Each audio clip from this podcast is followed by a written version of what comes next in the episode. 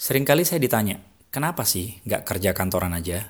Bikin bisnis, punya penghasilan tetap, investasi kek, biar bisa beli ini, punya itu, mempersiapkan masa depan, hidup tenang, agar bisa dipandang sejahtera. Sebagian lain mungkin sedang berperang dengan pertanyaan template seperti, kenapa nggak kuliah? Udah tua nggak nikah-nikah? Kapan punya momongan? Saya nggak ngerti siapa yang mulai merumuskan kehidupan semacam ini. Tapi yang jelas, jutaan orang yakin dan percaya kesejahteraan hidup diukur dari apa yang mereka sebut tadi. Untuk sesaat, batin dan logika Anda pasti akan menolak jika saya katakan, mending jadi pemulung tapi bahagia, daripada pengusaha kaya banyak utangnya. Saya bisa memaklumi kok, karena informasi yang ditanamkan dalam bawah sadar Anda sejak kecil adalah kebahagiaan akan didapat jika seseorang hidup dengan enak. Dan definisi hidup enak adalah punya pekerjaan mapan, status sosial tinggi, dan diakui banyak orang. Pada akhirnya, sekolah, belajar, ibadah, berdoa, semua ditujukan untuk satu hal, hidup sejahtera. Bukan lagi cari ilmu, cari ketenangan, apalagi rindu bertemu Tuhan. Oke, mari kita bedah apa itu sejahtera. Seperti biasa, saya akan mengajak Anda untuk memahami kata per kata. Dalam istilah psikologi, sejahtera biasa disebut dengan well-being atau keadaan yang baik. Keadaan adalah kata benda, kaitannya dengan logika, jadi harus terlihat. Baik adalah kata sifat, kaitannya dengan rasa, nggak kelihatan. Jadi misalnya gini, oh dia punya mobil, saya nggak punya. Itu keadaan, bisa dilihat. Tapi apakah dia lebih baik kehidupannya daripada saya? Belum tentu, karena itu perasaan, nggak bisa dilihat. Bisa jadi dia bingung cicilan, sementara kita masih enak tidur sama makan. Nah, well-being adalah kemampuan merasakan dengan baik keadaan kita secara aktual.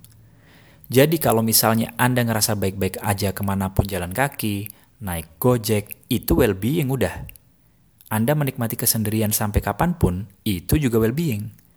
Kalau kemudian Anda ngerasa kayaknya lebih baik deh seandainya punya mobil sendiri, lebih bahagia kalau punya pasangan seperti teman-teman yang lain, itu namanya will be being, bukan well-being. Sampai sini paham? Kecenderungan pola pikir pragmatis selama ini sering kali membuat kebanyakan orang menerima segala informasi secara praktis pula.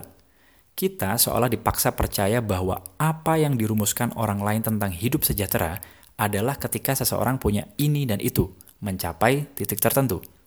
Kita udah nggak ada kritis-kritisnya.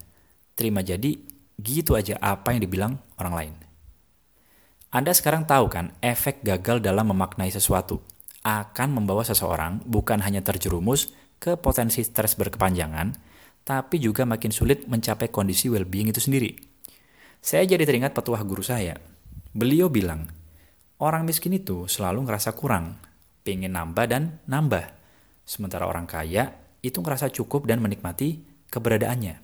Jadi, kalau ada orang udah punya banyak hal, masih ingin nambah terus, tetap aja secara esensi dia miskin. Karena itu Ki Ageng Surya Mentaram dalam buku-bukunya selalu membahas tentang pentingnya seseorang menggunakan rasanya dengan benar, bukan hanya merawat logika aja. Seperti contoh yang saya ungkapkan sebelumnya, mending jadi pemulung bahagia daripada pengusaha kaya tapi banyak utangnya. Zaman sekarang mana ada sih orang yang setuju dengan statement begitu? Gimana-gimana masih lebih bahagia pengusaha walau punya utang banyak. Pikiran Anda juga ngomong gitu kan? Udah jujur aja. Menurut Ki Ageng, Anda mengira bahwa pemulung terlihat nggak bahagia dengan keadaannya yang begitu, susah sepanjang hidup, karena perasaan Anda tercampur dengan rasa takut dan khawatir akan mengalami menjadi pemulung tersebut. Pun sebaliknya, Anda merasa pengusaha hidupnya sejahtera karena Anda ingin jadi seperti itu. Jadi, kata Ki Ageng, menggunakan rasa dengan benar adalah merasakan segala sesuatu yang nggak kecampur dengan kepentingan dan ego kita sendiri. Kalau enak bilang enak, nggak enak ya bilang nggak enak. Jangan kayak lidah selebgram endorsement. Ki Ageng juga nambahin, manusia sering salah dalam memenuhi kebutuhan-kebutuhannya. nggak ngerti bedanya mana kebutuhan lahir, mana kebutuhan batin. Misalnya, seseorang menganggap dengan memiliki harta benda yang banyak, maka ia bisa dapat ketenangan dan bisa digunakan sebagai alat untuk mencari kehormatan. Padahal fungsi harta benda itu untuk membeli kebutuhan lahir, makan, minum, tempat tinggal, bukan ketenangan dan kehormatan seperti yang dipikirkan. Siapa pun bisa beli kasur, tapi apa semua orang bisa merasakan nyenyaknya tidur? Beli makanan bisa, ngerasain nikmatnya? Ya belum tentu, tergantung suasana hati Anda saat menikmati makanan itu. Itu alasan paling sederhana kenapa banyak orang yang susah ngerasa puas sama pencapaiannya. Karena butuhnya apa, yang buat menuin apa, gak nyambung. Mau sampai mati juga gak ketemu. Dari sudut pandang psikologi, salah satu tokoh humanistik bernama Riff menyebutkan, well-being adalah sebuah kondisi di mana individu memiliki setidaknya enam dimensi di dalam dirinya. Cuma saya bahas dua aja deh, yang menurut saya dimensi ini urgent dan relevan untuk kondisi sekarang. Empat yang lain ya kalau kita ketemu kapan-kapan dan bisa ngobrol lebih panjang. Yang pertama otonomi, yang kedua environmental mastery. Otonomi adalah kemampuan seseorang untuk dapat membuat keputusan dan mengatur tingkah lakunya secara mandiri. Environmental mastery, kemampuan mengatur lingkungan agar kompatibel dengan kebutuhannya.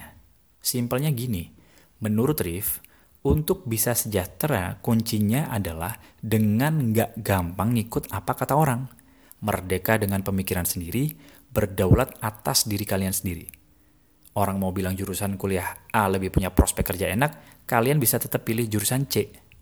Orang mau bilang nikah muda itu enak, kalian tetap bisa menjomblo sampai batas yang kalian tentukan sendiri. Orang mau bilang lebih baik stay at home biar tetap sehat, kalian punya sikap sendiri bagaimana menjaga kesehatan. Hidup bukan lagi tentang katanya-katanya, tapi seberapa optimal kita menggunakan cipta, rasa, dan karsa untuk mencapai sejahtera yang sebenar-benarnya. Jadi gimana? Lebih mudah well-being kan? Atau masih mau mempersulit diri dengan will be being? Ah, suka-suka lu dah.